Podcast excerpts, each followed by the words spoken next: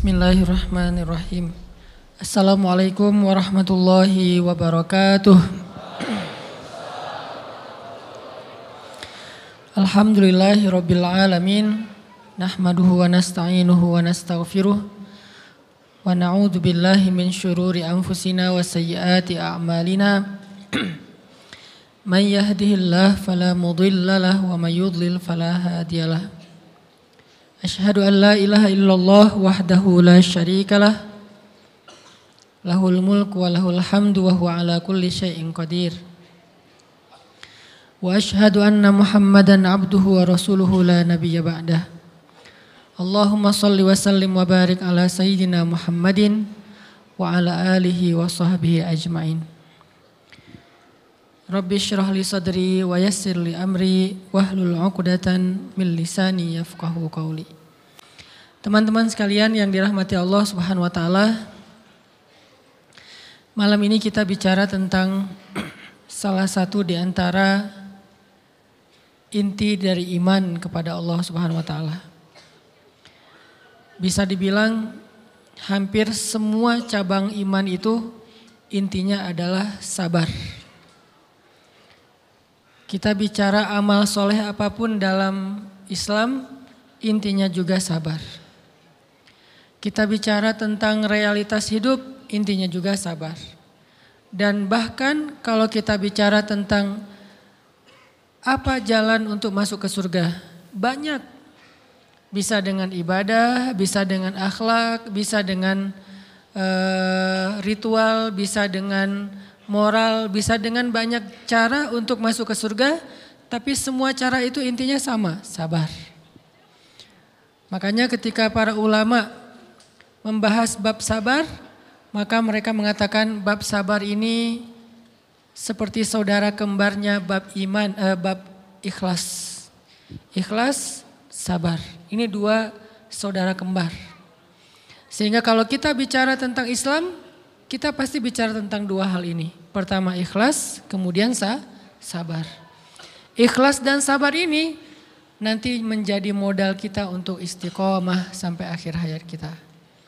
Maka pada malam ini kita akan ngomongin tentang masalah sabar. Walaupun ini bukan tema baru, bukan materi yang saya pikir baru pertama kita dengar. Tapi saya yakin semua kita tetap harus belajar tentang sabar. Karena walaupun seribu kali kita dengar tentang bab sabar, toh pada kenyataannya kita kadang kalau mau jujur kepada diri kita sendiri, kayaknya kita belum menjadi orang yang penyabar.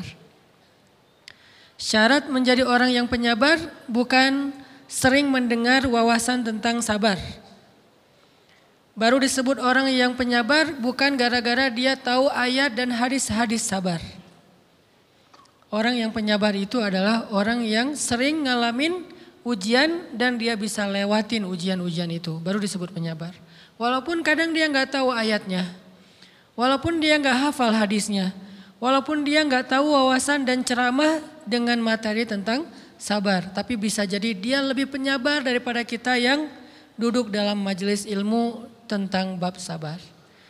Makanya kita terus eh, kita butuh terus untuk belajar sabar, di refresh lagi dengan kajian-kajian kayak gini Mudah-mudahan dengan sifat sabar kita akan mendapatkan banyak kebaikan dari Allah Subhanahu wa taala.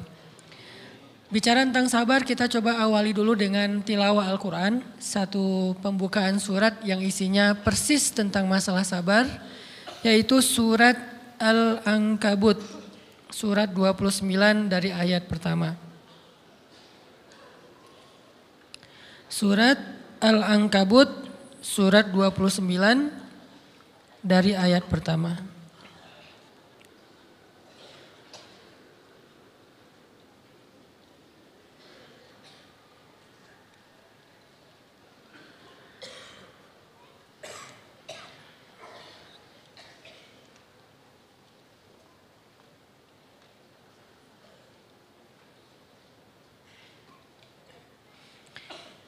أعوذ بالله من الشيطان الرجيم.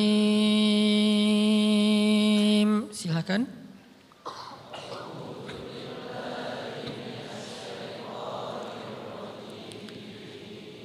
بسم الله الرحمن الرحيم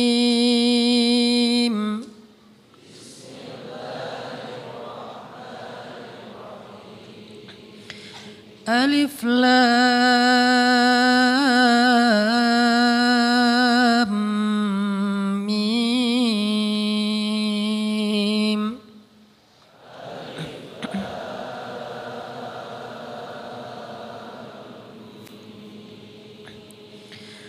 أحسب الناس أن يتركوا أن يقولوا آمنا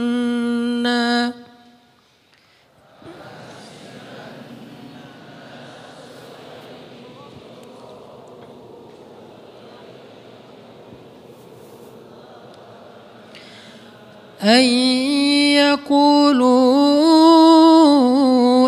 آمنا وهم لا يفتنون.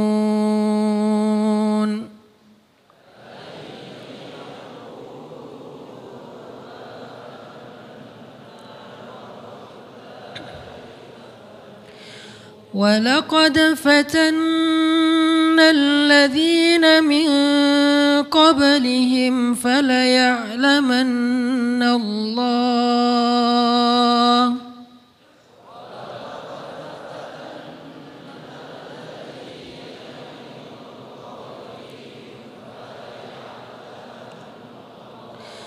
فليعلمن الله الذين صدقوا وليعلمن الكاذبين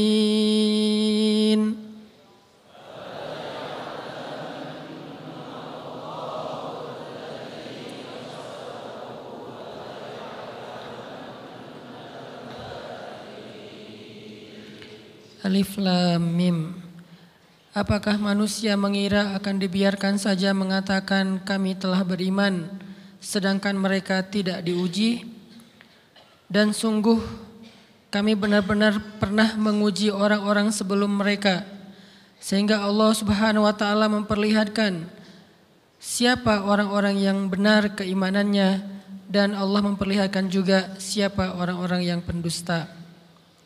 Terus kita loncat ke ayat 10 surat yang sama. Bismillahirrahmanirrahim.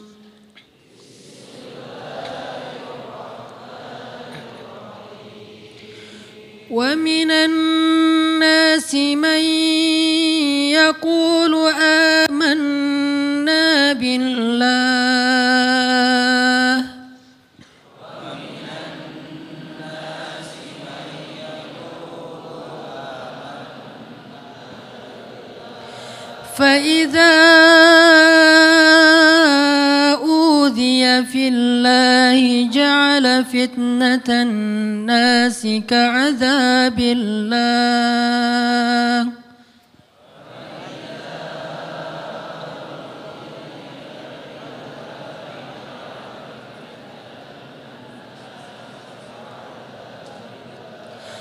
ولئن جاء نصر من ربك ليقولن إنا كنا معكم.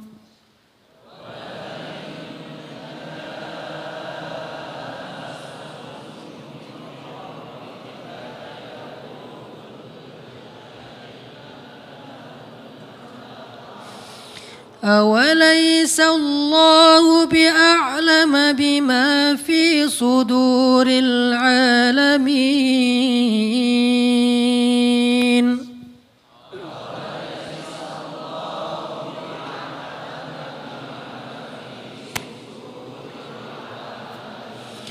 وليعلمن الله الذين آمنوا المنافقين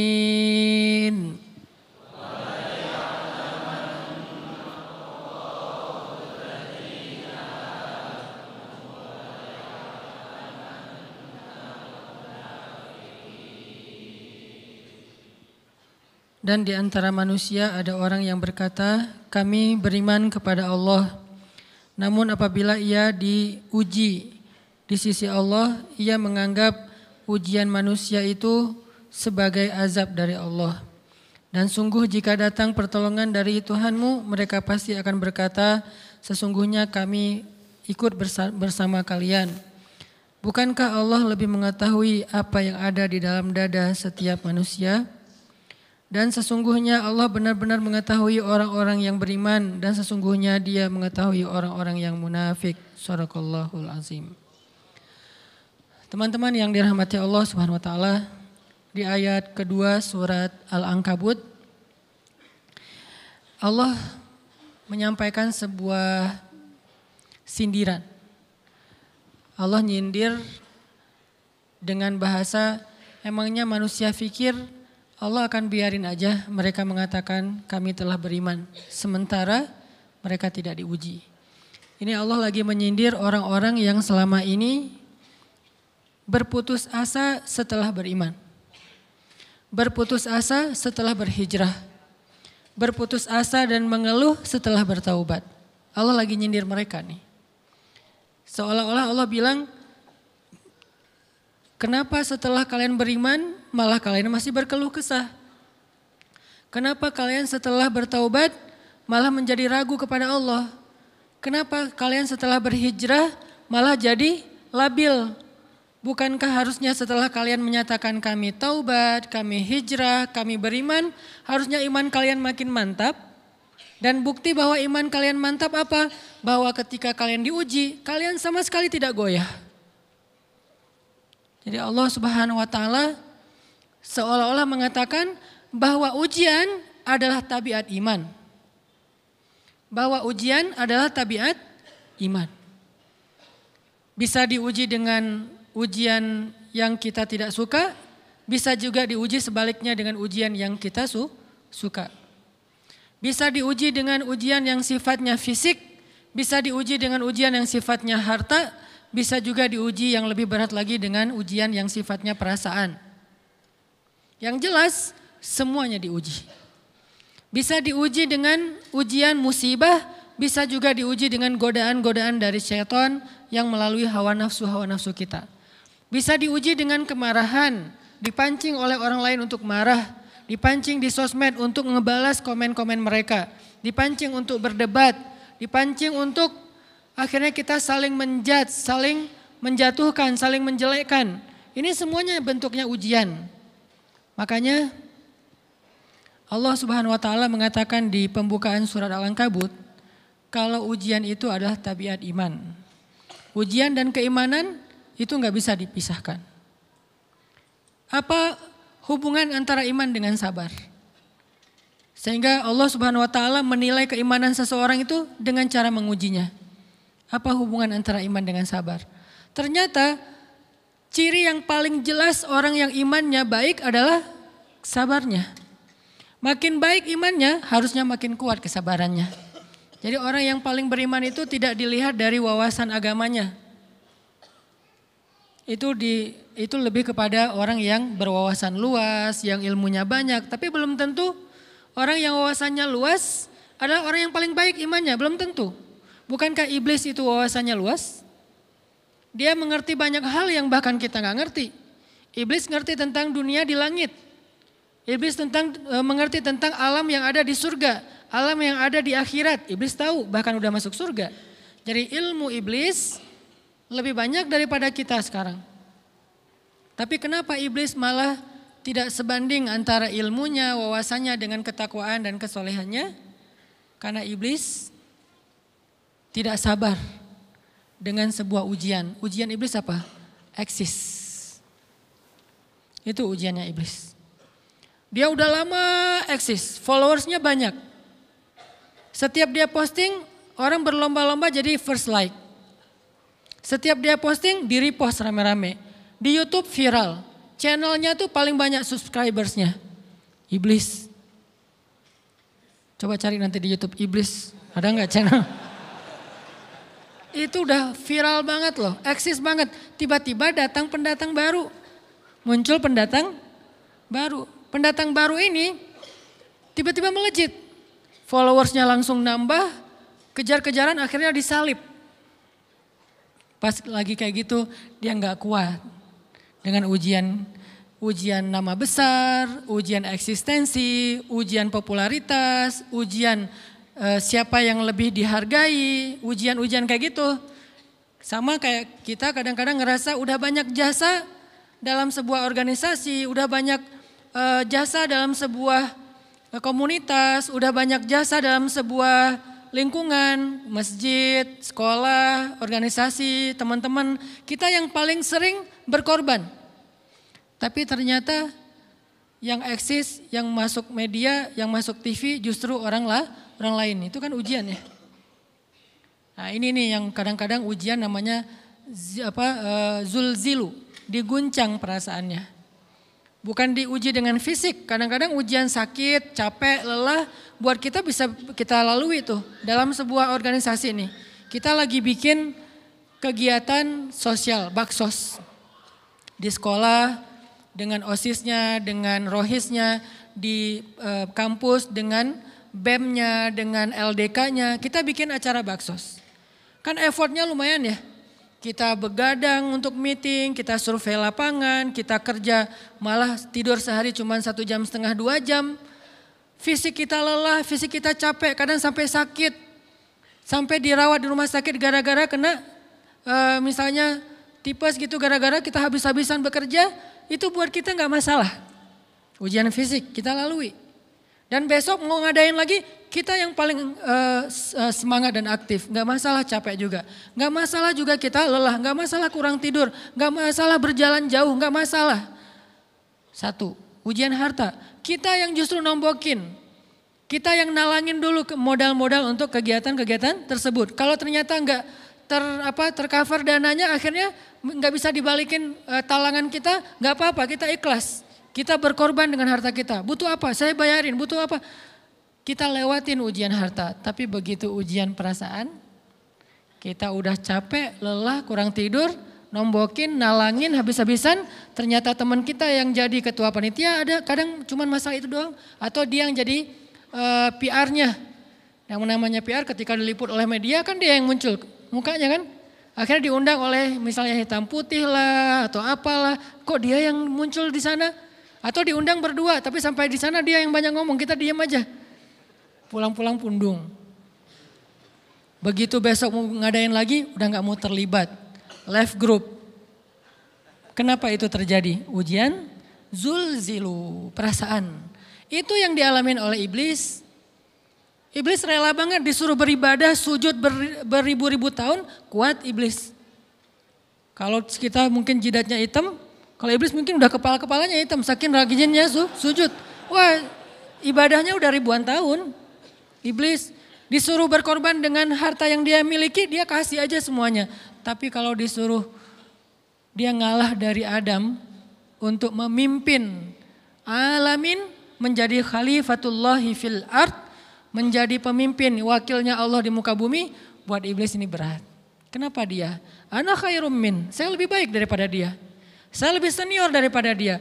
Saya lebih sehat daripada dia. Saya lebih keren daripada dia. Saya lebih, saya lebih, saya lebih. Ujian emosional, ujian ego, ujian perasaan. Itu yang lebih berat buat kita.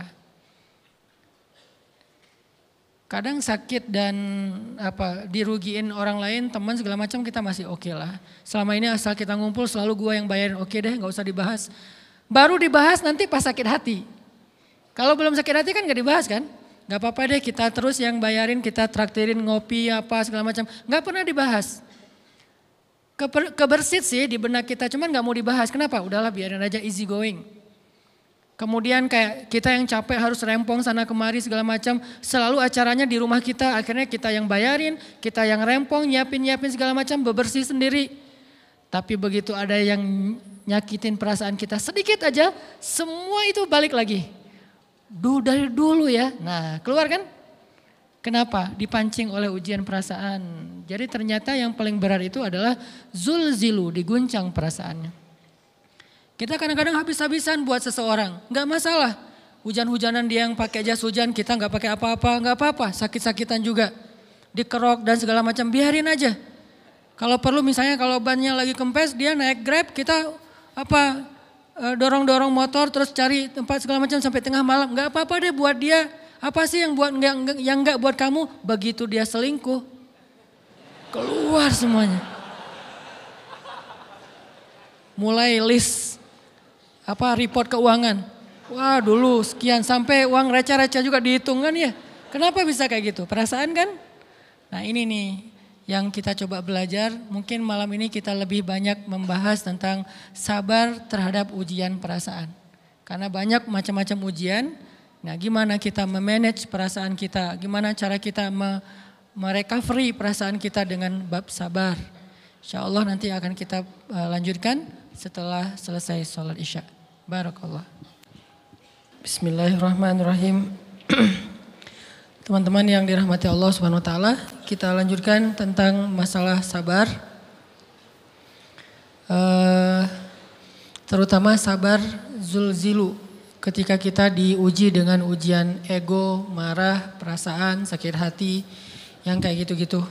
Ini ujian jauh lebih berat daripada ujian uh, fisik dan ujian harta.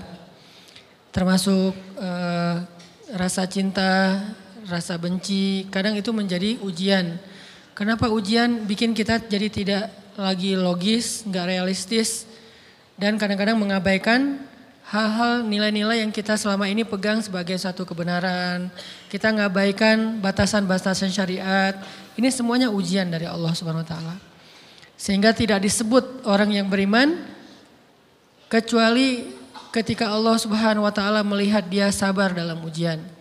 Kalau dia nggak sabar dalam ujian, malah di dalam e, pembukaan surat Al-Ankabut tadi Allah menggolongkan mereka termasuk orang-orang yang munafik. Apa arti yang orang munafik? Orang yang mengaku beriman tapi sebetulnya dia tidak beriman. Apa salah satu buktinya? Dia tidak sabar. Jadi kalau kita mau menilai diri kita mukmin atau munafik, dan ini bukan materi untuk menjudge orang lain. Oh ternyata dia itu munafik. Bukan. Lagi-lagi konsep kita belajar itu angle-nya untuk diri kita sendiri. Saya sangat tidak merekomendasikan kita belajar untuk mendapatkan kaca pembesar. Mencari-cari kesalahan saudara kita. Tapi kita belajar untuk semakin bisa bercermin untuk menemukan aib dan kekurangan diri kita. Jadi semakin kita tahu ilmu agama, semakin kita tahu ayat dan hadis, semakin kita punya cerminan untuk menilai diri kita dan memperbaiki diri kita. Bukan nyari kaca pembesar untuk memperjelas aib-aib dan kesalahan orang lain.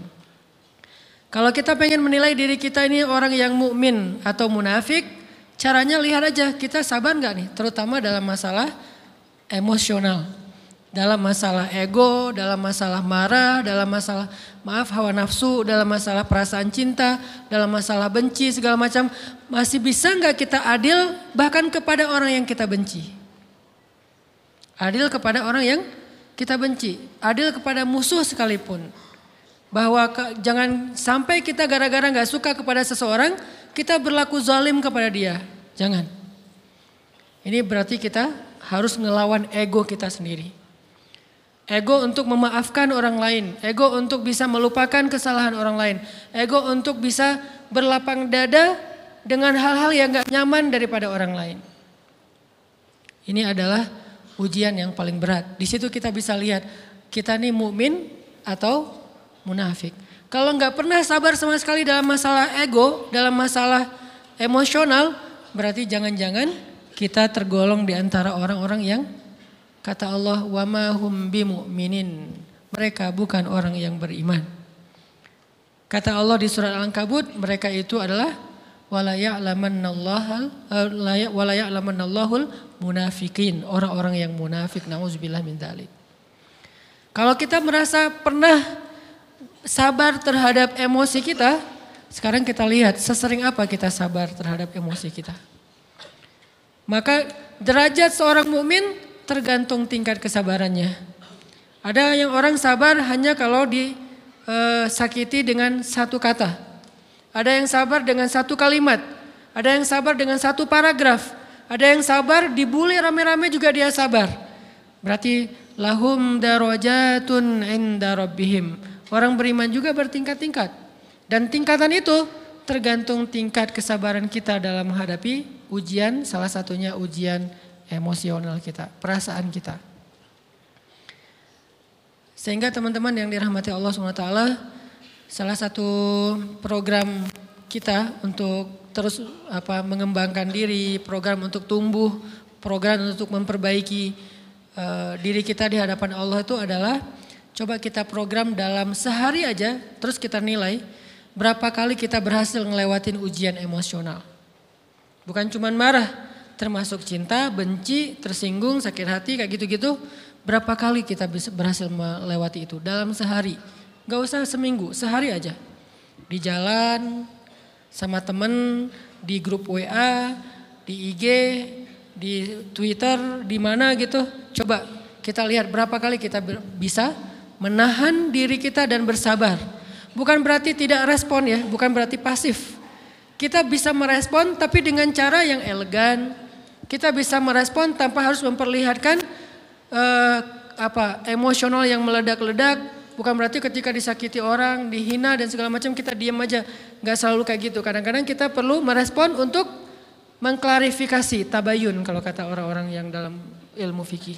Kita harus tabayun, tapi tabayun dengan marah itu beda. Tabayun dengan mencela itu beda. Sehingga kita mencoba menahan diri berpikir, aduh capek kalau gitu. Tapi kan ini bagian dari pembelajaran. Makin terbiasa kayak gitu, terbiasa elegan, maka otomatis jadi nggak terlalu apa repot lagi. Kan awal-awal bersikap pengen ya, apa yang bijaksana, yang elegan, yang dewasa, itu kan kadang-kadang harus diusahain ya. Karena belum mengkarakter. Harus mikir dulu gimana ya sikap yang paling dewasa, gimana ya sikap yang paling bijaksana, gimana ya sikap yang paling wise, gimana ya sikap yang paling elegan, masih mikir.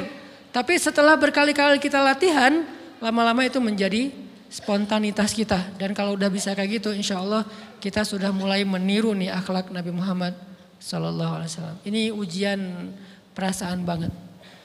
Kalau tadi saya ngasih contoh diselingkuhin itu sebetulnya cuman apa bercanda ya. Karena diselingkuhin ini pastinya bukan ujian. Tapi musibah. Pengkhianatan ya, tidak ada tempat. Gimana kita ngelawan perasaan kita kalau lagi kayak gitu? Gimana kita ngelawan perasaan kita kalau lagi di diuji? Gimana cara kita bersabar? Karena iman dan sabar itu bisa dibilang satu paket. Gak disebut orang beriman kalau gak sabar. Dan insya Allah orang yang sabar itu adalah ciri-ciri orang ber, beriman. Gak mungkin disebut orang beriman kalau gak sabar. Kita pikir memang iman itu hanya ucapan. Kalau iman itu cuma ucapan, inna solati wa nusuki wa mahyaya wa mamati lillahi rabbil alamin, gampang. Kalau iman itu cuma ucapan, hasbi Allah wa ni'mal wakil, gampang. Kalau iman itu cuma ucapan, la haula wa la quwata illa billah, gampang. Kalau iman itu cuma ucapan iya karena abudu wa iya karena stain gampang.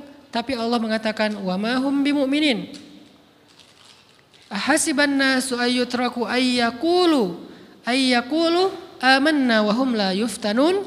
Emangnya cukup dengan hanya mengatakan kami telah beriman lalu tidak diuji? Ternyata iman adalah sabar dalam ujian.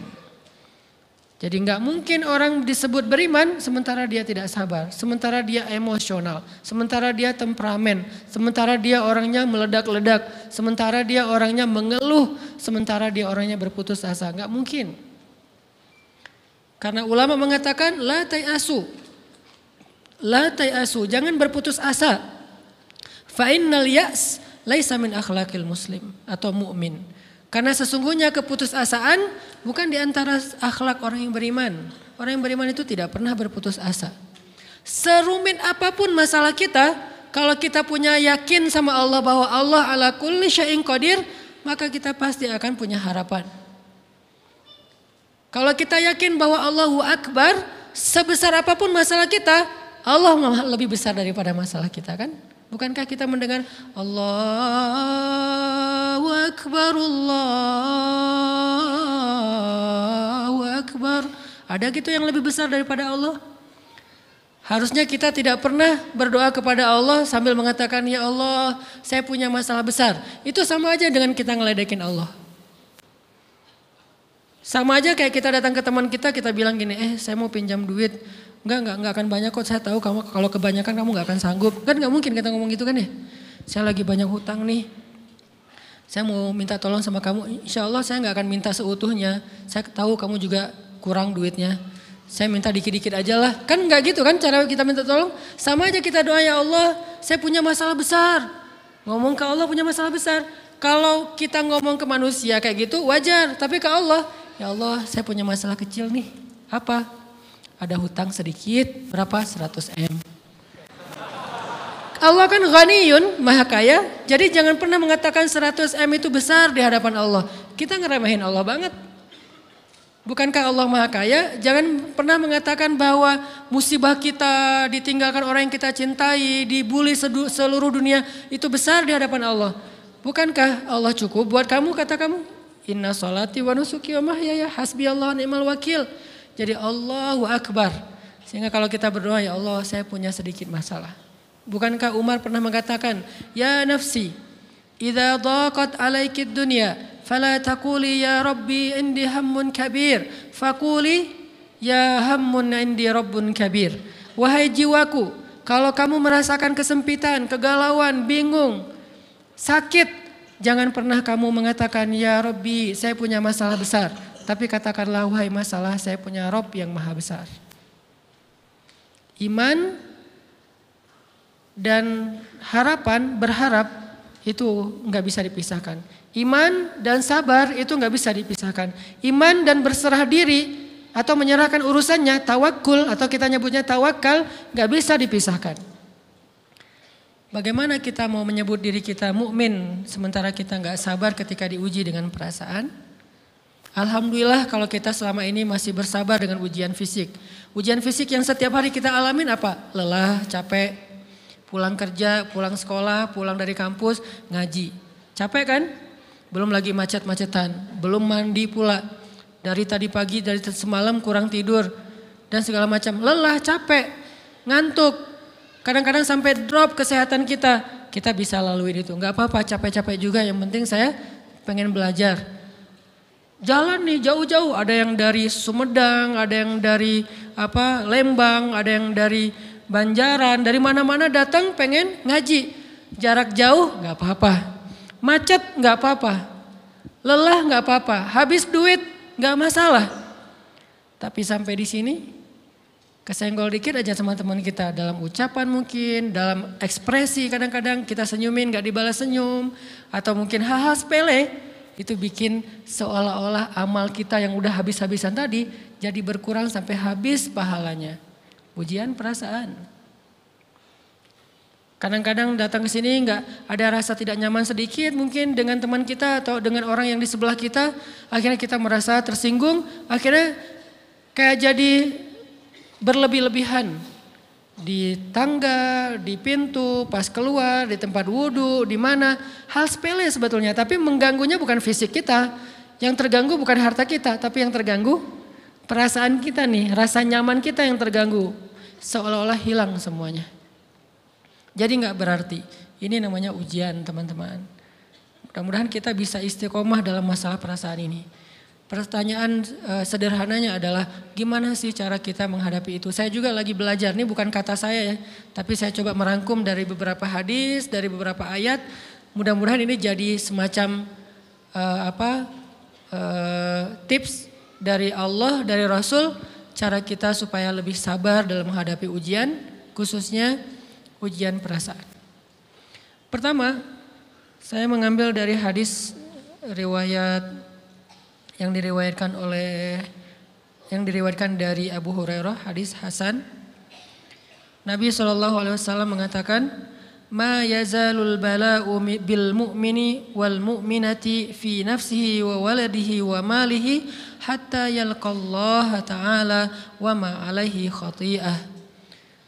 Tidaklah seseorang selesai diuji, baik dia laki-laki orang yang beriman atau perempuan yang beriman, baik itu ujiannya terjadi pada dirinya atau melalui anaknya atau melalui hartanya, artinya ujian harta, ujian fisik, ujian perasaan, sampai dia bertemu dengan Allah dan dia tidak punya dosa. Apa maksud dari hadis ini? ujian itu tidak akan berakhir kecuali kalau dosa kita sudah habis. Allah akan menguji kita terus untuk membersihkan diri kita dari dosa. Sehingga yang harus kita coba bangun awareness dalam diri kita kalau lagi diuji, Allah pengen membersihkan dosa saya nih. Sehingga kita ridho dengan ujian, bukan ikhlas ya. Kalau ikhlas ibadah. Kalau ujian, ridho, rela. Saya ridho ya Allah, walaupun ini berat. Saya ridho ya Allah walaupun saya berharap engkau beri jalan keluar. Saya ridho ya Allah walaupun saya berharap ditolong oleh Allah. Tapi tetap ridho, ridho diberikan ujian itu sambil berdoa diberikan jalan keluar, ditolong, diberikan keajaiban. Cuman gak mau mengeluh. Dan berdoa meminta jalan keluar bukan mengeluh, itu ibadah. Berdoa itu ibadah dalam Islam. Sehingga Allah suka banget sama hamba yang berdoa. Allah suka dengan hamba yang curhat. Nabi itu kalau lagi curhat, doanya aja bisa berjam-jam cuma doa doang tuh. Kayak hadis Aisyah pas lagi cemburu malam-malam kan. Aisyah lagi tidur. Ini jatah malamnya Aisyah. Tiba-tiba dia nyari-nyari raba-raba. Nabi nggak ada. Dicari di kamar mandi nggak ada. Biasanya Nabi sholat di sebelah Aisyah. Wah curiga nih jangan-jangan ke rumah si Fulan. Dicari ke rumahnya. Di telepon nggak aktif mungkin lagi dicas. Datang ke rumahnya. Ketuk pintu. Hafsah Nabi di rumah kamu enggak? Enggak Aisyah, beneran, beneran. Cari ke rumah Sofia. Sofia, Nabi di sini enggak? Enggak, beneran, beneran. Cari ke rumah Maria. Maria di sini enggak Nabi? Enggak. Ke mana ya Nabi? Rumah istri-istri yang lain enggak ada. Pas balik ke rumahnya, ngelewat masjid, ngelihat Nabi lagi sujud di Masjid Nabawi di mihrab dan Aisyah mendengar Nabi menangis sambil berdoa dan sujudnya itu seperti membaca satu juz Al-Qur'an. Dan itu isinya doa nangis. Robbi, Robbi, Robbi, Robbi. Jadi kalau kita katakan nggak usah banyak berdoa sama Allah malu. Justru Allah suka kepada hamba yang berdoa.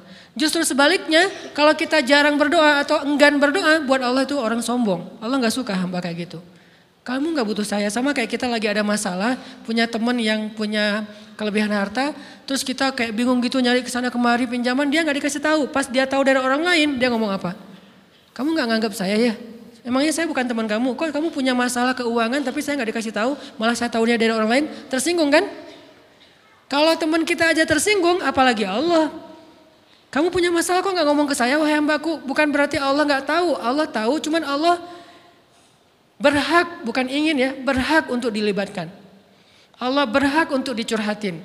Allah berhak untuk di Jadikan tempat kita untuk habis-habisan menangis dan melampiaskan masalah kita kepada Allah dalam bentuk curhat-curhat dan doa. Sehingga kalau kita berdoa, ya Robbi, Allah langsung ini korib, mendekat Allah kepada kita. Jadi teman-teman yang dirahmati Allah, kalau kita punya masalah, kita coba bangun awareness, oh Allah pengen membersihkan dosa-dosa saya nih. Terus kita berdoa, ya Allah bantu saya, ya Allah tolonglah saya, istighfar, saya kadang-kadang ngerasa nih kalau ada dosa, ada kesalahan, ada kekeliruan yang saya lakukan misalnya gitu.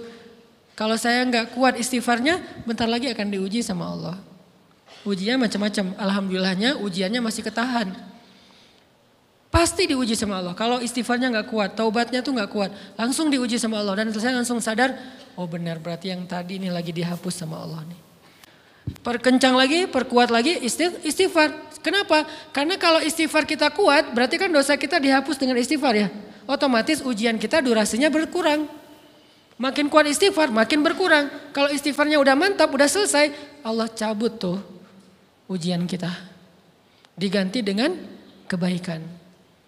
Jadi teman-teman kita coba sadari, oh kalau Allah menguji saya, emang saya banyak dosa. Sebelum kita mencari kambing hitam, nyalah-nyalahin orang lain, sebelum kita marah kepada orang lain, kadang wajar kita marah kepada orang lain gara-gara ucapannya, komennya, teks dari dia, wajar. Tapi sebelum itu marah dulu kepada diri kita atas dosa dan kesalahan kita yang baru saja kita lakukan. Atau yang dulu kita lakuin dan belum benar-benar kita tinggalkan. Kalau kita ngerasa banyak dosa di masa lalu sebelum kita taubat, hijrah, berarti mungkin itulah alasan kenapa sekarang kita diuji setelah hijrah. Kenapa agak-agak harus apa uh, jungkir balik setelah kita hijrah? Kenapa harus sedikit berdarah-darah setelah kita hijrah? Anggap aja itu untuk meng, apa, mengkifarat, membersihkan dosa-dosa kita yang telah lalu. Supaya apa? Supaya kalau kita pulang kepada Allah, kita pulang dalam keadaan bersih dan itu pasti akan menjadi orang yang paling beruntung. Daripada nanti diberesin di akhirat mending diberesin di dunia kan. Soalnya kalau diberesin di akhirat itu lebih berat. Akhirat itu perlakuannya beda dengan di dunia. Di dunia kalau kita salah akan di apa dibalas oleh Allah kalau kita belum taubat, dibalas oleh Allah sama. Tapi di akhirat ukurannya beda. Sehingga heran ya, kalau ada orang yang merasa beruntung lolos dari hukuman dunia, dia pikir dia udah lolos dari hukuman Allah, Mending dia beresin deh di dunia daripada nanti di akhir berlarut-larut. Itu bahaya banget. Kalau buat saya pribadi dan saya yakin teman-teman juga kayak gitu, nggak mau ada masalah di akhirat, mending masalah di dunia aja. Tapi masalah di dunia juga kita nggak mau berlarut-larut, pengen cepat dimudahin sama Allah. Caranya istighfar, istighfar, istighfar. Tidaklah Allah memberikan kepada kita ujian kecuali salah satu alasannya pengen menghapuskan dosa. Idza kathurat dzunubul 'abdi walam yakun lahu min amalin liyukaffiraha fabtalahu Allahu bil hazan liyukaffiraha. Kalau seorang hamba banyak dosa dan dia nggak cukup amal untuk mengkifarat dosa-dosanya, Allah akan menguji dia dengan rasa sedih, dengan rasa kecewa, dengan rasa apa berat, sakit hati untuk mengkifarat dosa-dosanya. Itu yang kita bangun. Sehingga kalau ada masalah sama orang lain, kita memperbaiki diri dulu.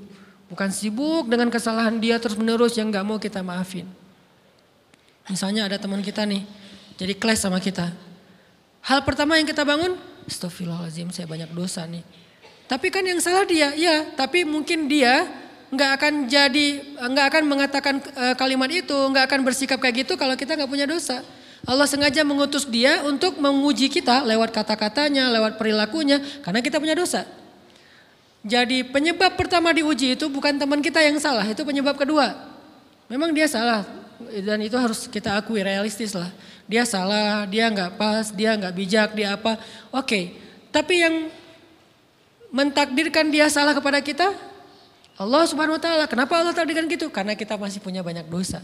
Allah kirim kita ujian, bisa manusia, bisa alam, bisa dalam diri kita sendiri.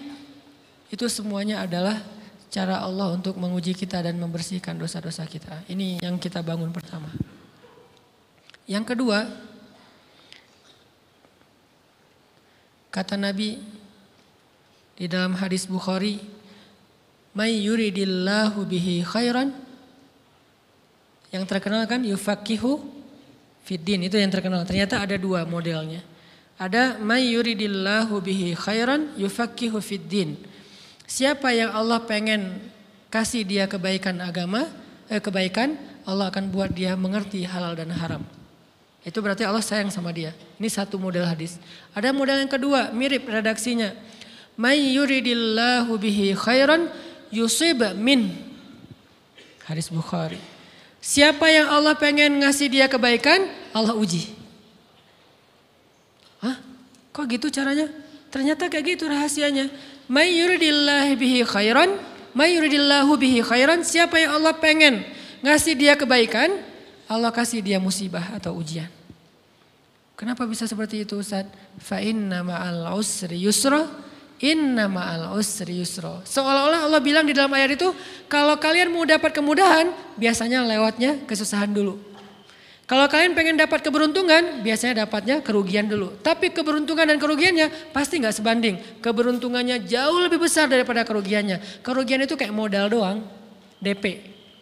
Jadi kalau kita mau dapat kejutan dari Allah, Allah kasih kita DP. DP-nya apa? Ujian. DP-nya musibah. DP-nya rasa nggak nyaman. Itu DP tuh. DP terhadap apa? DP dari Allah terhadap hadiah-hadiah besar yang Allah pengen ngasih ke kita setelahnya. Cuman banyak orang yang menolak DP ini. Eh sama kayak kita misalnya. E, kalau kita mau ngasih dia hadiah, kita kasih dia kayak kejutan dulu. Dia lagi ulang tahun nih, disiram air dulu. Setelah itu dikasih hadiah-hadiah yang mahal. Rela nggak disiram air demi hadiah? Rela, udah siramin lagi aja. Kalau setelahnya ada hadiah, hadiah. Yang kita nggak rela, kalau setelah disiram Disuruh bersih-bersih sendiri dan gak dikasih apa-apa kan gak rela tuh. Berarti ini bab iman. Yakin gak kalau Allah tetap ngasih hadiah? Kan sabar dan iman itu ternyata tahu aman, kembar. Kalau kita yakin Allah ngasih hadiah setelah ngasih kita DP ujian, ya kita akan sabar. Gak apa-apa deh, bentar lagi mau dikasih hadiah, digini-giniin juga gak masalah. Dibully, diapain sama Allah, biarin aja ya Allah saya sabar. Kan bentar lagi mau dikasih hadiah nih. Ini masalah yakin. Tapi kalau kita gak yakin, ah apa sih maunya Allah gitu kan? Begitu kalimat ini keluar, maka yang muncul setelahnya adalah mengeluh, berputus asa, dan gak akan sabar menghadapi ujian. Ujian kata Nabi, "May yuridillahu khairan." Siapa yang Allah pengen kasih hadiah, siapa yang Allah pengen kasih kejutan, siapa yang Allah pengen kasih pertolongan, siapa yang Allah pengen kasih kebaikan, yusib min. Allah akan uji dia dulu. Ini sunnatullah. Sehingga kalau kita lagi diuji, yang kita lihat jangan ujiannya, apa setelah itu? Gimana ngelihatnya Ustaz nggak kelihatan dengan mata hati. Istafti kalbak, tanya kepada hatimu, kelihatan nggak? Dengan mata hati. Gimana ngelihat dengan mata hati? Dengan iman, saya percaya Allah pasti ngasih kebaikan setelah ini. Orang Allah sendiri yang ngomong, nggak ada satu huruf pun di Al-Quran yang salah. Apalagi satu ayat, apalagi dua ayat. Fa inna ma'al usri yusra. Ditegesin lagi, inna ma'al usri yusra. Tapi usr dulu, baru yusr. Dikasih kesusahan sedikit, dikasih kemudahan yang banyak. Dikasih kesusahan sedikit, dikasih kemudahan yang banyak. Ini yang kita coba bangun tajdidul iman, bangun memperbarui yakin, yakin, yakin. Sehingga ketika kita diuji, sedih, wajar. Mengaduh sedikit bukan mengeluh ya. Kalau mengeluh kan nyalahin Allah. Kalau ngaduh, yang namanya orang dicubit kan, ah itu ngaduh. Tapi kalau ah apa sih maunya Allah? Nah itu ngeluh. Antara mengadu dengan mengeluh berbe berbeda. Mengadu itu manusiawi. Sedih itu manusiawi. Air mata bahkan bukan hanya manusiawi, itu rahmat dari Allah. Orang yang nggak bisa menangis itu yang bahaya. Kalau kita masih bisa menangis, berarti kita masih peka hatinya. Bukankah anak kecil paling sering menangis? Berarti hatinya peka. Siapa lagi selain anak kecil yang paling sering menangis? Cewek. Cowok itu emang gak punya perasaan, makanya jarang nangis. Cewek dikit-dikit nangis, jangan bilang, oh cemen banget sih nangis apa, cengeng apa. Enggak, karena dia perasaannya lebih peka dari kita. Itulah kenapa Allah menitipkan bayi kepada perempuan. Kalau dititipin ke laki-laki hancur. Di balik kepekaan perempuan, di balik sensitifnya perempuan, di balik perasaannya yang luar biasa, di situ Allah Subhanahu wa taala menitipkan amanah dia yang paling baik dalam merawat bayinya. Perempuan secara umum mungkin lebih banyak bicara daripada laki-laki ya. Walaupun ada orang yang perempuan pendiam banget, ada yang nggak ngomong sama sekali, misalnya diem-diem aja, ada.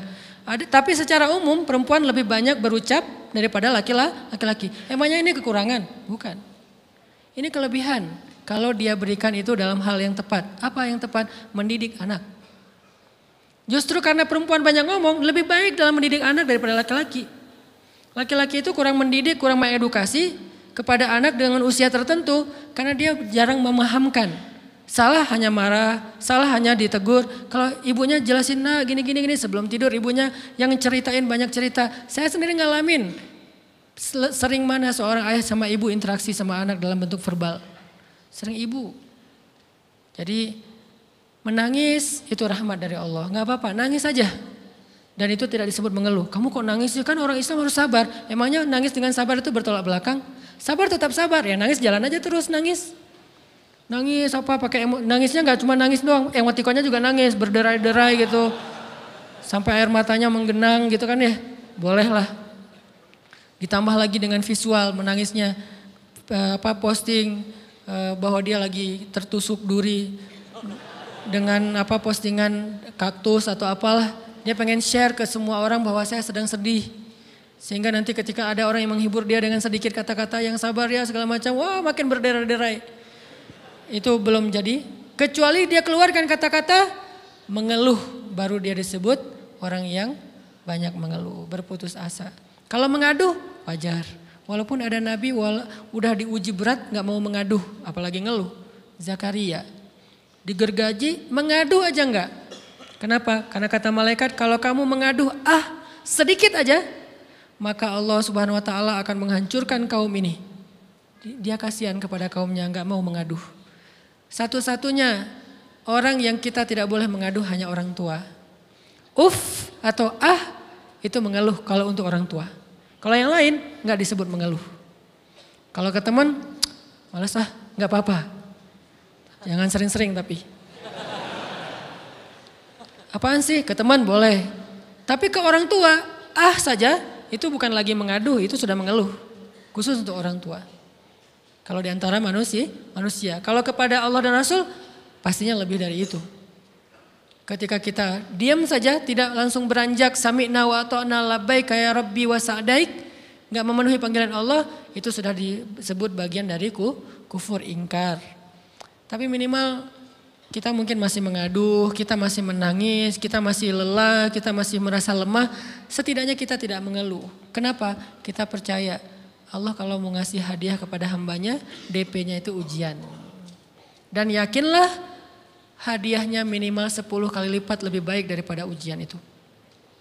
Minimal, karena nggak ada amal soleh yang dibalas di bawah 10 kali lipat tuh nggak ada. Amal soleh, amal ya bukan niat. Amal yang udah kita kerjakan minimal dibalas 10 kali lipat. Minimal, maksimalnya bighairi hisab, tanpa batas. Bighairi hisap tanpa batas. Ada yang 700 kali lipat kayak sedekah. Tapi tetap aja ayat sedekah di akhirnya ujung-ujungnya apa? Bighairi hisap juga kan? Berarti sedekah itu minimal dibalas 700 kali lipat minimal. Kalau kita yakin. Selalu syaratnya kalau kita yakin. Dan saya ngebuktiin itu banget. Saya pernah ngalamin lagi jalan-jalan di sebuah kota yang ada becak kayuhnya, becak sepeda gitu ya Jalan terus saya bilang e, Pak berapa uh, ongkosnya 20 ribu. Udah naik aja 20 ribu. Karena kita keliling-keliling kota ternyata saya jadi kasihan sama dia 20 ribu. Kasihan kan 20 ribu dibayar keliling kota walaupun pas mampir beberapa tempat mungkin dia dapat tips ya. Tapi saya nggak tega gitu dia cerita tentang anaknya lagi sekolah apa segala macam makin bikin baper kan. Pas selesai saya kasih dia 100 ribu. Dari 20 ribu dikasih 100 ribu karena kasihan. Dan saya yakin Enggak mungkin sedekah itu sia-sia. Kan Nabi bersumpah kan, demi zat yang jiwaku di dalam genggamannya tidak berkurang harta karena sedekah. Demi Allah kata Nabi. Enggak berkurang harta karena sedekah. Berkurang harta karena belanja? Ya. Berkurang harta karena pacaran? Banget. Modal banget kan? Apalagi buat cowok. Tapi berkurang harta karena sedekah? Enggak mungkin kata Nabi. Demi Allah enggak berkurang harta karena sedekah. Berkurang harta karena istri? Enggak. Karena memberi kepada istri itu pahalanya lebih gede daripada sedekah. Makanya ngemodalin pacaran setelah nikah itu tumbuh berkah. Modal pacaran sebelum nikah itu apes. Jadi kalau pengen modal nih ngemodalin cewek, traktir, ngapa-ngapain, bayarin, jangan sebelum nikah. Sebelum nikah jadi orang pelit aja nggak apa-apa. Tapi setelah nikah jor-joran ngasih, apalagi yang, apalagi yang, ah bayarin semuanya. Kenapa? Pahalanya lebih gede daripada sedekah bahkan lebih gede daripada infak fi sabilillah. Seorang suami memberi nafkah istri itu pahalanya terkadang lebih besar daripada kita berinfak untuk fi sabilillah untuk korban perang. Saya heran kalau ada orang sedekahnya rajin tapi ke istrinya kikir, aneh, berarti dia nggak ngerti konsep. Padahal memberi kepada istri itu selama itu kebutuhan pokok ya dan sedikit entertain, nggak apa-apa asal nggak berlebihan, itu luar biasa. Makanya saya kalau jalan sama istri yang yang mana? Itu yang Onit suka. Oh ya, Onit suka.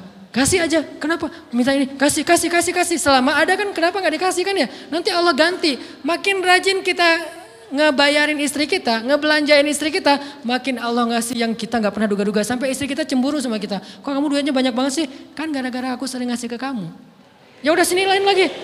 Mau ditransfer berapa gitu kan ya? Saya ngasih 100 ribu ke si bapak. Dan saya yakin teman-teman sedekahnya pasti lebih dari itu karena 100 ribu saya sebut.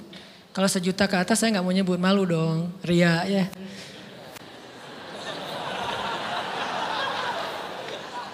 Sebenarnya nggak pernah sih. 100 ribu deh, karena kan kecil, saya kasih 100 ribu. Ternyata begitu saya kasih 100 ribu, dia doa.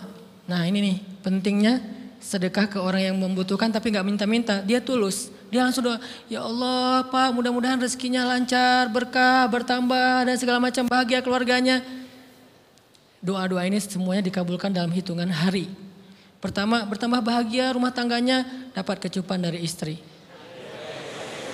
Dia nganggap suami saya cowok banget sih. Mulai satu nih. Dua, demi Allah selang 15 jam enggak kalau nggak salah karena waktu itu malam besok paginya ada orang yang ngejar-ngejar saya pengen ngasih hadiah. Ustadz saya pengen ketemu Ustadz. Maaf saya nggak bisa ketemu sekarang lagi rush, lagi tight schedule gitu-gitulah sosok gaya nggak jelas gitu ya. Terus Ustadz saya pengen banget ketemu dia nggak ngomong pengen ketemu apa. Kalau dia bilang mau ngasih duit kan langsung saya prioritaskan kan ya. Berhubung dia nggak ngomong ya udahlah saya sosok jual mahal gitu. Tapi yang namanya rezeki kan gimana kita tolak dia datang kan. Saya nolak, nolak, nolak, nolak. Pokoknya sebentar aja lima menit nggak akan ganggu waktu Ustadz. Ya udah besok pagi ya pas breakfast gitu. Pakai gaya-gaya dikit breakfast. Pas breakfast, oh ya siap Ustaz, jam berapa? Jam 8. Udah janjian jam 8. Mungkin orangnya nih dengar live streaming, Pak jazakumullah khair jaza. Makasih eh, banyak, mudah-mudahan Allah tambahkan rezekinya. Terus uh, beliau besok mau flight ke luar kota jam 8. Akhirnya ngubungin lagi malamnya, Pak uh, Ustadz maaf gak bisa ketemu besok. Karena saya jam 8 itu jadwal terbang. Oh ya udah nggak apa-apa. Seneng dong saya nggak jadi ketemu kan. Tahu gitu kan nyesel saya tuh. Seneng. Besok pagi jam 6 Pak Ustadz Alhamdulillah ya, ternyata uh, penerbangan saya di delay ke jam 11. Allah delay penerbangannya demi ngasih rezeki buat saya. Kan luar biasa kan? Ini hikmah kepedean saya, kegeeran kepada Allah gitu. Di delay demi saya. Kan kadang-kadang GR ya depan Allah ya. Robbi akroman kan gitu ayatnya. Allah memuliakan saya dengan istighfar tetap. Akhirnya saya bisa ketemu Ustaz. Saya nggak baca WA-nya, terlambat baca, baru baca jam 8. Dia udah mulai agak putus asa, kayaknya udah gak mungkin ketemu nih. Jam 8 pas saya baca, ah ternyata orangnya nggak uh, di apa di delay ya udah saya balas ya udah sekarang saya tunggu ya jam 9 maaf uh, cuma sebentar nggak apa-apa Ustaz 5 menit datang dia datang ngasih apa coba ngasih duit 200 juta Demi Allah. Cuman berselang beberapa jam, saya tolak-tolak. Tahu gitu Pak, datang malam ini aja.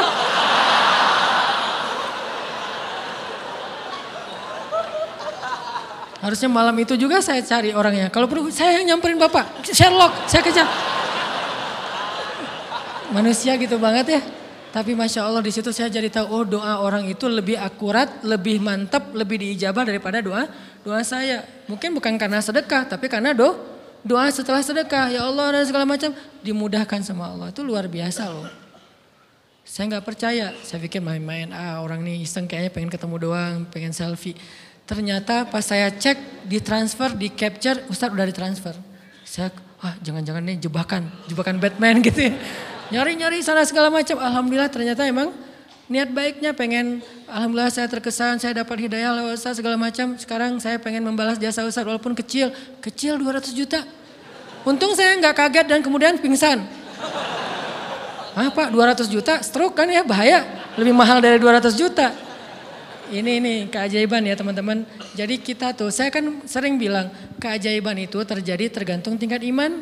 Bukan saya udah soleh banget enggak. Saya belajar terus untuk yakin deh sama Allah. Modal kita tuh kan gini sebetulnya kan. Duit kita tuh banyak loh teman-teman. Cuman gak disimpan di bank. Gak disimpan di saku. Disimpannya di sisi Allah. Bedanya apa sih?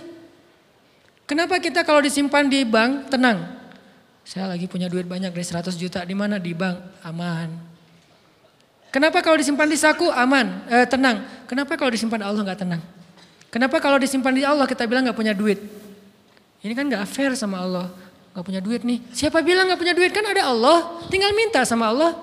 Tapi nggak ada wujudnya. Tapi kan ada janjinya. Bukankah janji Allah lebih kuat daripada wujud?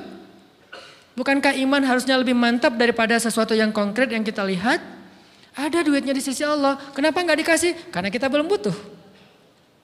Kalau kita yakin duit kita itu ada di Allah, tapi dikasihnya pas kita butuh. Begitu butuh ya Allah, langsung dikasih sama Allah. Itu banget benar-benar terjadi dalam kehidupan kita. Pasti kayak gitu.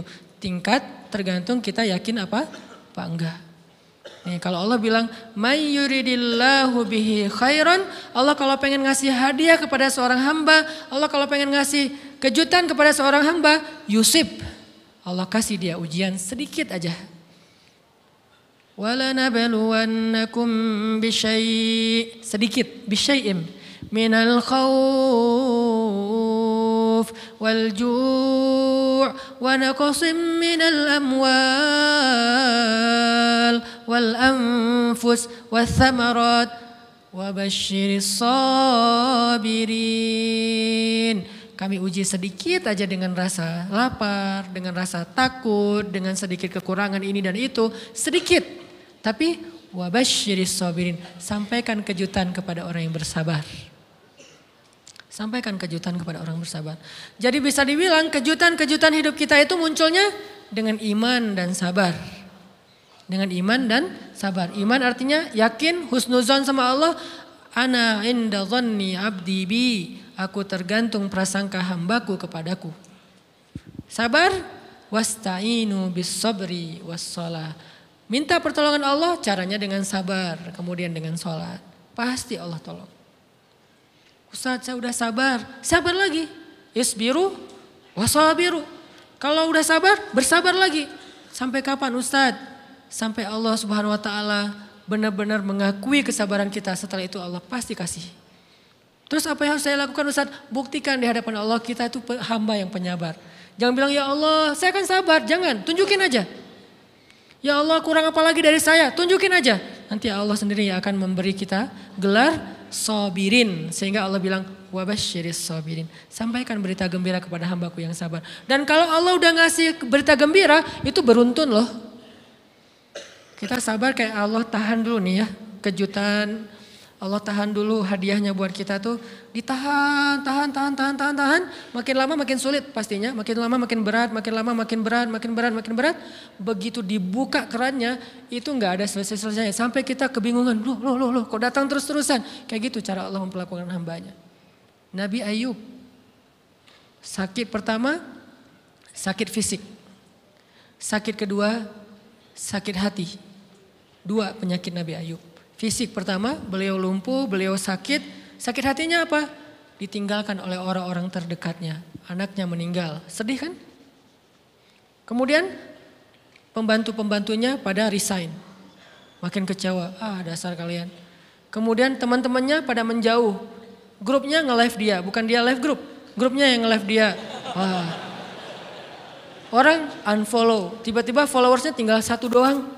Yang tadi ada ribuan, sekarang tinggal satu. Istri satu-satunya yang masih setia mendampingi beliau. Tinggal satu followersnya. Kebayang gak tuh? Yang posting udah sepi, udah gak ada yang nge-like. Istri aja yang nge-like. Ini nih Nabi Ayub. Ditambah lagi datang keluarganya ke rumah Nabi Ayub. Gak mau ketemu dalam jarak dekat. Dari luar ngomongnya, Ayub kami gini gini gini. Kemarin kamu harta kamu tuh kan kamu apa ada masalah minjam duit karena istri kamu ini gimana nih bayarnya? Terus mereka tutup muka nggak mau tertular. Mereka bilang jangan dekat-dekat dengan Ayub. Yang lebih parah lagi ada yang sampai nuduh gini. Ternyata ya kamu itu selama ini bukan orang soleh. Selama ini kamu tuh pura-pura pencitraan ordai. Ini buktinya nih. Ternyata akhirnya Allah tunjukin juga borok kamu, aib-aib kamu. Ternyata kamu itu selama ini orang munafik. Jadi Nabi Ayub malah dituduh orang jahat, orang yang terkutuk, yang sama ini mencitrakan diri sebagai orang baik gara-gara sakit itu dituduh demikian. Sedih luar biasa. Bertahun-tahun, ada riwayat mengatakan 17 tahun, ada yang mengatakan lebih atau kurang. 17 tahun ditahan semua kebaikan oleh Allah kecuali satu, iman. Sehingga Nabi Ayub tetap yakin Allah Maha baik. Pokoknya yakin Allah Maha baik. Allah gimana pun diuji Allah Maha baik. Diambil anaknya, Allah maha baik. Diambil kesehatannya, Allah maha baik. Diambil hartanya, Allah maha baik. Jadi orang yang paling yang tadinya paling kaya di negerinya, sekarang paling miskin di negerinya. Kebayang gak tuh dibalik 180 derajat. Yang tadinya paling kaya, gak ada yang lebih kaya daripada Ayub, sekarang yang paling miskin. Gak ada yang lebih miskin daripada Ayub. Allah maha baik, Allah maha baik, Allah maha baik. Husnuzan kepada Allah. Dan itu nggak sehari dua hari, 17 tahun husnuzon kepada Allah. Pada puncaknya ketika istri beliau harus menjual rambut, gundul, potong rambut, dijual demi apa?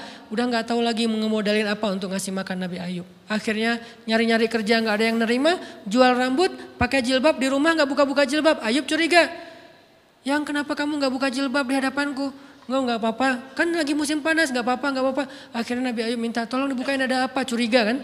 Pas dibuka udah botak rambut istrinya. Nabi Ayub menangis. Kenapa, apa yang terjadi? Istrinya bilang, suamiku enggak ada lagi modal buat kita makan. Saya cari-cari kerja sana sini, enggak ada yang nerima. Bahkan untuk mandiin hewan aja nggak diterima. Akhirnya saya jual rambut saya, mudah-mudahan bisa untuk kita makan beberapa hari. Istrinya keluar, Nabi Ayub menangis, baru Nabi Ayub berdoa. Itu juga doanya malu-malu dan husnuzon. Malu-malu, husnuzon. Gimana kalimatnya? Rabbi, masaniyadur. Ya Allah, saya sakit. Gitu doang ngomongnya. Bukan, ya Allah udah sekian tahun saya sakit, saya gini, saya gitu. Enggak. Ya Allah, saya sakit. Wa anta arhamur rahimin. Tapi tetap ya Allah buat saya engkau yang paling baik. Coba masih ngomong gitu. Arhamur rahimin. Gak apa-apa. Jadi seolah-olah mau ngomong ya Allah saya sakit. Tenang-tenang saya gak ngeluh ya Allah engkau tetap yang paling baik. Gitu coba Nabi Ayub ke Allahnya tuh. Langsung Allah munculkan mata air di bawah kaki Nabi Ayub. Tiba-tiba beliau jadi apa basah, mandi, sembuh semua penyakit, rontok dengan semua luka-lukanya dan wajah Nabi Ayub semua tubuhnya menjadi muda yang usianya tadi udah 80-an tahun tiba-tiba menjadi di antara 35 tahun. Itu usia ideal. Maaf ya, saya usianya kurang lebih segitulah. Usia penduduk surga antara 30 sampai 40 tahun. Itu usia penduduk surga dan usia itu mempertemukan dua kebaikan fisiknya sudah sempurna dan akalnya juga kebijaksanaannya sudah sempurna. Kalau di bawah 30 tahun fisiknya sempurna, akalnya belum sempurna. Kalau di atas 40 tahun eh, akalnya sempurna, fisiknya sudah berkurang. Antara 30, 40, 45 ya kurang lebih segitulah. Nabi Ayub menjadi muda lagi. Jadi keren. Persis kayak masa mudanya. Jadi kalau ngelihat foto yang postingan pertama di Instagramnya tuh mirip nih. Kan udah postingan yang ke seribu ya. Udah berapa tahun dia pakai akun yang sama. Wah mirip dengan yang dulu. Istrinya datang. Begitu datang, astagfirullahaladzim ada cowok keren di rumahnya. Tapi mirip Ayub, cuman nggak mungkin ini Ayub. Langsung nyari Ayub, di mana Ayub? Kata Ayub, saya Ayub, saudara, suami kamu. Enggak, enggak, kamu bukan Ayub. Suami saya itu udah tua, suami saya sakit-sakitan, kamu bukan Ayub. Mirip sih. Akhirnya, saya Ayub, apa buktinya kamu Ayub? ditunjukkan buktinya oleh Nabi Ayub. Apa buktinya? Nabi Ayub menyampaikan beberapa kenangan mereka berdua di masa lalu yang gak ada yang tahu kecuali mereka berdua. Itulah pentingnya kita menyimpan kenangan.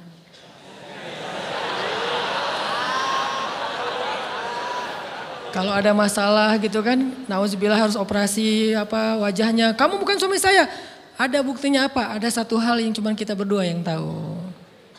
Kalau perlu jangan satu hal, banyak hal ya. Cuman kita doang yang tahu. Orang lain nggak tahu, nggak tahu. Pas disebut itu benar, tidak ada yang tahu masalah itu kecuali kita berdua. Akhirnya dipeluk Nabi Ayub, Nabi Ayub ngajak istrinya untuk mandi di mata air yang sama. Istrinya mandi langsung muda lagi. Setelah itu Allah SWT beri mereka harta yang sangat banyak. Lihat kalau Allah udah buka, pertama fisiknya disempurnakan lagi. Kemudian Allah turunkan air hujan, bukan uh, diturunkan hujan bukan air, hujannya dinar dan dirham. Di belakang rumah Nabi Ayub itu ada tempat penampungan gandum gitu kan. Ada dua tempat penampungan. Turun hujan pertama dinar. Sampai penuh penampungan gandum dengan dinar, koin-koin dinar yang satu dinar mungkin harganya sampai 3 juta. Turun banyak, kemudian turunnya lagi dirham. Penuh, turun lagi di atas atap-atap beliau sampai rumah Nabi Ayub dipenuhi dengan dinar dan dirham. Ini apa, ini apa? Nabi Ayub kaget. Setelah itu istrinya hamil. Setiap tahun ngelahirin 13 anak Nabi Ayub yang sudah Allah wafatkan, lahir setahun satu, setahun satu, wajahnya, karakternya, namanya semua persis seperti yang sudah Allah ambil. Seolah-olah mereka belum meninggal tapi mereka hanya pergi dan kembali lagi. Dibalikin semuanya. Dan Nabi Ayub lebih kaya berpuluh-puluh kali lipat daripada sebelum beliau sakit. Buah dari kesabaran.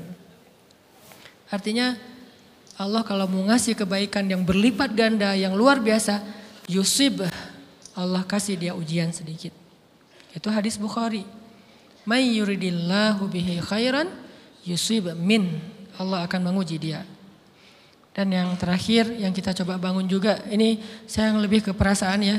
Kalau amaliyahnya mungkin ustadz-ustadz lain mengajarkan amal apa riyadhah buat sabar segala macam. Ini lebih ke perasaan. Satu kita yakin emang kita layak dikasih hukuman kayak gini emang kita banyak dosa. Jangan terlalu besar kepala saya nggak layak dihukum saya nggak layak diperlakukan kayak gini. Kalau manusia ke kita wajar kita ngomong kayak gitu. Saya nggak layak diperlakukan kayak gini sama dia. Oke okay. tapi oleh Allah layak banget karena emang kita banyak dosa. Makanya kalau kita nggak kuat lama-lama digituin banyak istighfar. Yang kedua husnuzon, lebih keperasaan nih. Oh Allah pengen ngasih saya kejutan. Sabar, sabar, sabar. Sampai kapan? Sampai Allah benar-benar melihat kesabaran kita. Yang ketiga, nah ini juga lebih keperasaan. Allah itu kalau kangen kepada kita, ngasih kita ujian. Terutama kita yang kalau nggak dikasih ujian, jarang romantis sama Allah. Kalau udah dikasih ujian, Allah Akbarnya tuh bergetar gitu. Allah Akbar. Kenapa banyak ujian? Tapi kalau lagi normal, sholat mah sebelah kaki, santai aja. Kalau perlu bersandar gitu ya. Sholatnya nggak wudhu, tayamun cepet-cepetan, biar gampang gitu. Kan tayamun juga boleh Ustaz, kayak gitu-gitu lah. Kenapa? Kalau lagi normal, doa Rabbana atina fid dunya hasanah. Kalau misalnya baca dalam sholat, kul huwallahu ahad, itu juga dibagi tiga rakaat. Tapi kalau lagi diuji, alif lam mim, toha, yasin, semua dibaca pembukaan-pembukaan surat. Khatam 30 juz teh. Kenapa lagi diuji? Sholat panjang, doa ya Allah, habis-habisan. Baru takbir udah nangis, Al-Fatihah aja nangis. Terus kalau ini baca Al-Quran, Bismillahirrahmanirrahim, khusyuk gitu. Tahajud, belum malam dia udah tahajud gitu. tahajud, kirain udah saking semangatnya. Maksudnya apa belum malam dia udah tahajud? Dari sore udah kangen malam. Kapan ya malam, kapan ya tengah malam, kapan ya saya pengen tahajud, pengen, kangen dengan tahajud. Kan ada orang kayak gitu, saya kenal beberapa orang yang katanya hanya menunggu malam aja setiap hari. Setiap pagi kapan ya malam, pas malam bahagia tahajud, pagi lagi kapan ya malam. Artinya belum malam udah tah, udah tahajud, saking kangennya dengan tahajud, rindu banget sama Allah, romantis banget dengan Allah. Khatam Al-Quran berkali-kali dalam seminggu. Begitu dia dikasih jalan keluar, menjauh, menjauh, menjauh sampai lupa sama Allah. Sehingga kalau Allah kangen sama dia, Allah kasih dia ujian dikit. Ta'ala ya, ham, ya abdi, ke sini wahai hambaku, ke sini. Biar kita berdua-duaan lagi nih. Kalau nggak mau digituin, tetaplah dekat kepada Allah walaupun kehidupan kita dalam keadaan mudah. Tetaplah romantis sama Allah, tetaplah gampang tersentuh oleh ayat-ayat Allah walaupun hidup kita dalam keadaan normal. Mudah-mudahan tiga rahasia ini bisa menjadikan kita berhusnuzon dan terbangun awareness kita ketika kita lagi diuji. Terutama ujian-ujian yang spontan muncul dari kata-kata teman kita, dari sikap orang lain. Langsung ingat, oh saya emang ada dosa yang mau Allah hapus. Oh habis ini mau dikasih kejutan. Oh Allah lagi pengen dekat sama saya. Tiga hal ini mudah-mudahan terus kita latih Awarenessnya yang dilatih bukan hadis-hadisnya yang dihafal.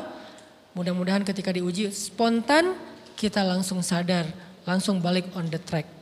Insya Allah Allah subhanahu wa ta'ala istiqomahkan kita fissarra wa dalam keadaan suka maupun dalam keadaan duka.